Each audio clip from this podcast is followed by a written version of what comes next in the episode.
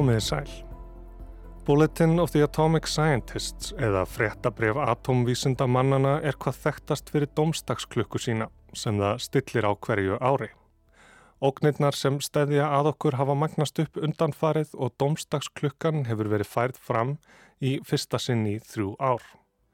Breytingin nefnur tíu sekundum og slæðir klukkan nú eina og halva mínútu í miðnættið sem takna á endalók heimsins.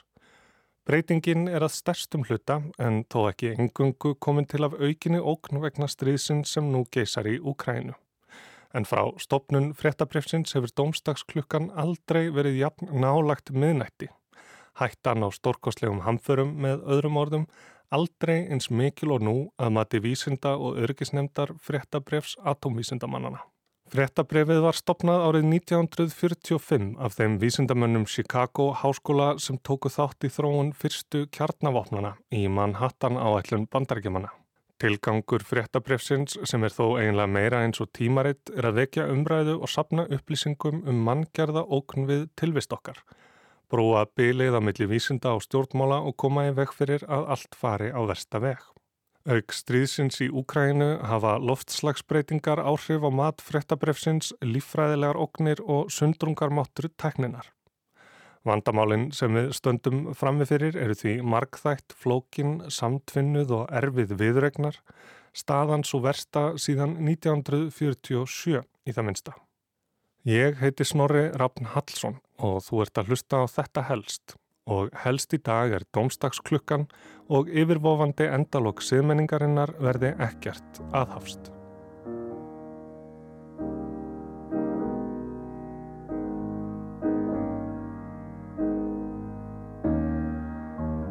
Þegar frettabrifi atomvísindamannana var komið á laggirnar árið 1945 var það hálfgerð neyðaraðgerð. Heimstyrjöldinni síðari var lokið, henni höfði ekki bara fyllt mestu hörmungar mannkynnssögunar heldur var einnig búið að finna upp kjartnorkusprengjuna. Þjóðverjar höfðu að meðan stríðinu stóð beistlað kjartnorku en bandaríkinn orðið fyrri til að vopnvæðana og beita með hörmulegum afleðingum í Hiroshima og Nagasaki. Atomöldinni fyldi sem sagt kjarnorkuváin. Mannkinnið var fært um að tortíma sjálfu sér, nokkuð sem það hafði ekki verið fært um áður. Dómstagsklukkan leitt svo dagsins ljós á forsýðu fréttabrefs atomvísindamannana árið 1947. Ætlunin var að takna á innfaldan og skýran hátt hver mikil hætta stafaði af kjarnorku og kjarnavopnum á hverjum tímapunkti. Og til að byrja með var hún stilt 7 minútur í 12 nokkurnu einn mitt á milli kortir í miðnætti og miðnættis skalans sem lagt var upp með að nota. Kortir í tólf er ógnin óveruleg. Á miðnætti hefur hið versta þegar skeið. Þetta er einföld og skýr mynd, kjarnar þetta nokkuð vel. En einungist tveimur árum eftir þetta, árið 1949, dróð til tíðenda. President Truman's dramatic announcement that Russia has created an atomic explosion sends reporters racing for Flushing Meadow, where Russia's Vyshinsky arrives to address the United Nations. Mr. Vyshinsky, have you got any statement about President Truman's statement on the atomic bomb? Please, please, excuse me. Does Russia have the atomic bomb? No, sir.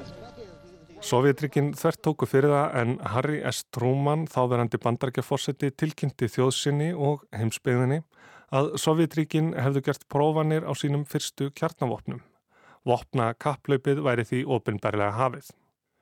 Við þetta tikkaði domstagsklukkan fjórar mínútur fram, var þrjármyndur í tólf. Árið 1953 mjakaðist mínútuvísirinn enn nær miðnætti, bæði Bandaríkin og Sovjetrikin höfðu prófað vettnissprengjur, mun öflugri sprengjur en kjarnavopnin sem þau höfðu prófað fram að því. Vísatnir hafa aftur hrefst, stóði í frettabrefinu. Einungis örfáar sveiblur pendulsins til viðbótar og frá Moskvu til Chicago munu kjartnorku sprengingar slá miðnætti vestrætnar siðmenningar. Atomvísindamennir verða vist ekki væntir um skáldlegt andleysi. Næst var klukkunu breytt 1960 og það til hins betra. Viðræður sem geng út á það að draga ár líkum að átökum voru hafnar og næstu tvo áratugina sveiblaðist klukkan á bylinu 7-12 mínútur í miðnætti. Fleiri þjóðir eins og Kína, Indland, Frakland, Pakistan og Ísrael þróiðu vissulega kjarnavopn en samtímis komst á sterkara regluverk. Möguleikin á gagkvæmri eðileggingu held ástandinu líka í skefjum. Helst ber svo að nefna samningin um að dreif ekki kjarnavopnum sem næstum allar þjóðir heims skrifiðu undir árið 1969. Hann er nokkuð einfaldur. Þau lönd sem byggu yfir kjarnavopnum héttu því að hjálpa hinnum að þróa kjarnorkuver, gegn því að þau nýttu kjarnorkuna ekki í vopn. Þar að þau ekki lofuðu þau að losa sig við kjarnavopn sín þegar politískar aðstæður lefðu. Það þarf vart að taka það fram að á þeirri rúmlega hálfu öld sem liðin er frá undirritun hafa aðstæður aldrei þótt vera þannig að kjarnavopn væri úr sögunni. Þvert á móti.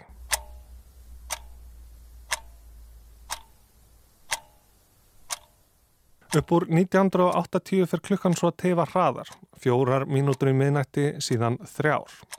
Reagan hættir öllu tali um vopnastjórn, besta leiðin til að enda kaltastríðið sé einfallega að bandaríkin hafi betur. Og á þessum tímapunkti lýsir fréttabref atomvísindamannana stórveldunum sem kjarn og hólistum. Fyllibittum sem haldaði statt og stöðugt fram að næsti drikkur verði ábyggilega svo síðasti en finna svo alltaf góða afsökun fyrir einum umgangi til viðbótar. En stærsta breytingin, og hún var til hins betra, varð svo við fall Sovjetríkjana. Þessi breyting sprengti skalan. Kaldastriðinu var lokið og flest þau skeiti sem hægt var að skjóta á milli heimsálfa voru tekin úr umferð. Dómstagsklukkan slóð því 17 mínútur í miðnætti á hennu herrans ári 1991. Þetta dró hins vegar ekki eins mikið úr spennunni og vonast hafi verið til og síðan þá hefur domstagsklukkunni aðeins einu sinni verið senkað og það aðeins um eina mínútu. Það gerðist árið 2010 þegar Obama varð fyrsti bandaríkjaforsetin til að kalla ofinberlega eftir kjarnavopnalausum heimi og í kaupmannahöfn saminuðust þjóðir heimsinn sem að reyna að halda alheimslínun undir tveimur gráðum. En hratt og öruglega hafa vísarnir marserað áfram í áttað endalókunum. My colleagues and I join you this morning to update you on the 2023 time of the Doomsday Clock. The Science and Security Board of the Bulletin of the Atomic Scientists sets the Doomsday Clock each year to answer two important questions. Is humanity safer or at greater risk this year compared to last year? And is humanity safer or at greater risk this year compared to the more than 75 years we have been asking the question? Spurningarnar tvær sem domstagsklukkan á að svara er hvort hættan sé meiri eða minni í ár en í fyrra eða minni en á þeim 76 árum frá því hún var fyrst stilt. Eins og sæði hér í uppafi er það vísinda og örgisnemt fréttabrefs atomvísindamannana sem ákveður þetta og er það gert í samráði við helstu vísindamenn á hverju sviði. Árið 2007 fór fréttabrefið fyrst að líta til fleiri þátta en engungu kjarnavannar og taka tillit til annara manngjörðra okna við tilvist okkar og lífið á planetinu. Það er þannig sem loftslagsváinn bættist við, en hugsun sérfræðinga fréttabrefsins er svo að þar sem hún er tilkomin af mannavöldum ættum við að geta stjórnaðinni þegar á holminni komið. Misbeiting upplýsingatækninar sem ollið hefur upplýsingaóreiðu, pólitískri skautun og óstöðuleika er annað sem nefndin lítur til. Og nú síðast í janúar þegar klukkan var færð fram til 90 sekundna í minnætti tók fréttabreifið líftækni oknir með í reikningin. COVID-19 syndi fram á varnarleysi okkar og vangetu yfirvalda á heimsvísu til að ráða við slíkan faraldur. Today, the members of the Science and Security Board moved the hands of the doomsday clock forward, largely, though not exclusively, because of the mounting dangers in the war in Ukraine. We moved the clock forward the closest it has ever been to midnight. It is now 90 seconds to midnight. Stríðið í Úkrænu á svo stærstan þátt í mati fréttabrjöfsins nú, en það magnar upp allar þær oknir sem að okkur stæðja. Fyrir það fyrsta má nefna lít duldar hótanir rúsa um mögulega beitingu kjarnavopna. Átökinn hafa einni tekt sig nærri Tjernobyl og Saporizja kjarnakljúfunum og tilraunir alltjóða kjarnorkustofnunarinnar til að tryggja örgisvæðana hafa verið hindraðar.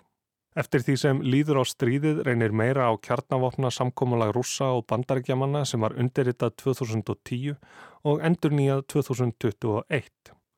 Það rennur hins vegar út í februar 2026 og hafa rússar dreyið að hefja nýjar viðræður. Einrásin hefur einnig sett orkumarkað heimsins úr skorðum og hafa margar þær þjóðir sem reyttu sig á ólíu og gas frá Rúslandi þurft að finna nýja byrkja. Fjárfesta enn frekar í yðnaðinum á tímapunkti þar sem ætti með réttu að draga úr. Þetta heftir getu þeirra til að draga úr loftslagsvá og hamfarallínun tefur aðrar mótvæðisaðgerir. Áróðus herrferðir í Rúslandi sína einnig þau áhrif sem hægt er að hafa með hjálp upplýsingatekninar og heitt stríð en ekki kallt eigur líkur á þróun og beitingu hverskins lífápna. Staðan er með öðrum orðum ekkert sérstaklega góð. Be sure and remember what Bert the Turtle just did, friends, because every one of us must remember to do the same thing. That's what this film is all about. Duck Dómstagsklukkan er fyrir löngu orðin eitt helsta tákn atómaldarinnar. Hún hefur tefað í hátt á áttunda áratug. En hún er um leið barn síns tíma. Tilheyrir að vissuleiti einfaldari öll þar sem ógnirnar voru skýrari, skilabóðin vapningalös. It's a bomb, duck and cover.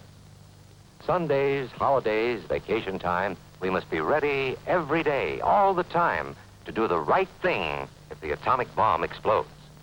Duck and cover!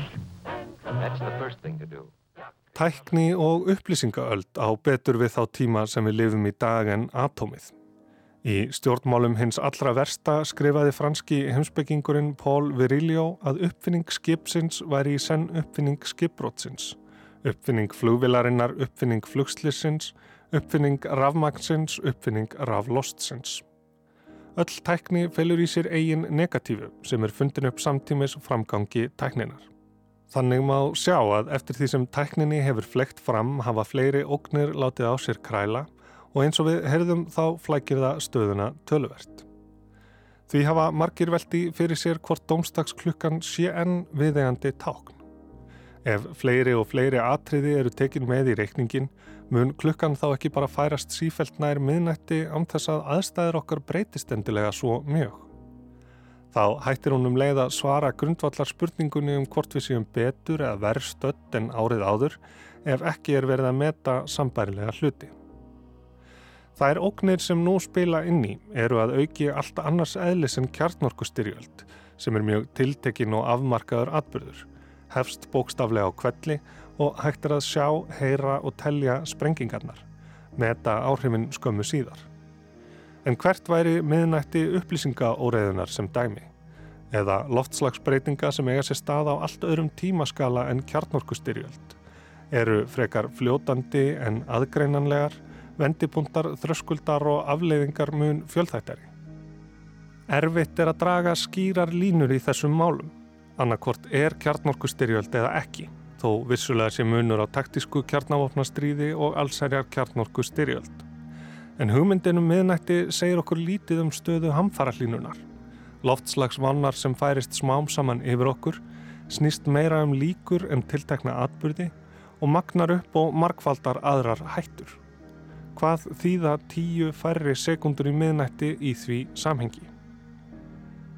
Domstagsklukkan sem nú slæðir eina og halva mínútu í miðnætti nær ekki eins vel utanum stöðu okkar og hún kannski gerði þegar hún var fyrst stilt fyrir 76 árum þegar kjarnorkusprengjur höfðu verið sprengdar í fyrsta sinn í Hiroshima og Nagasaki, kallt stríð og kjarnavopna kapplaup voru mál málana.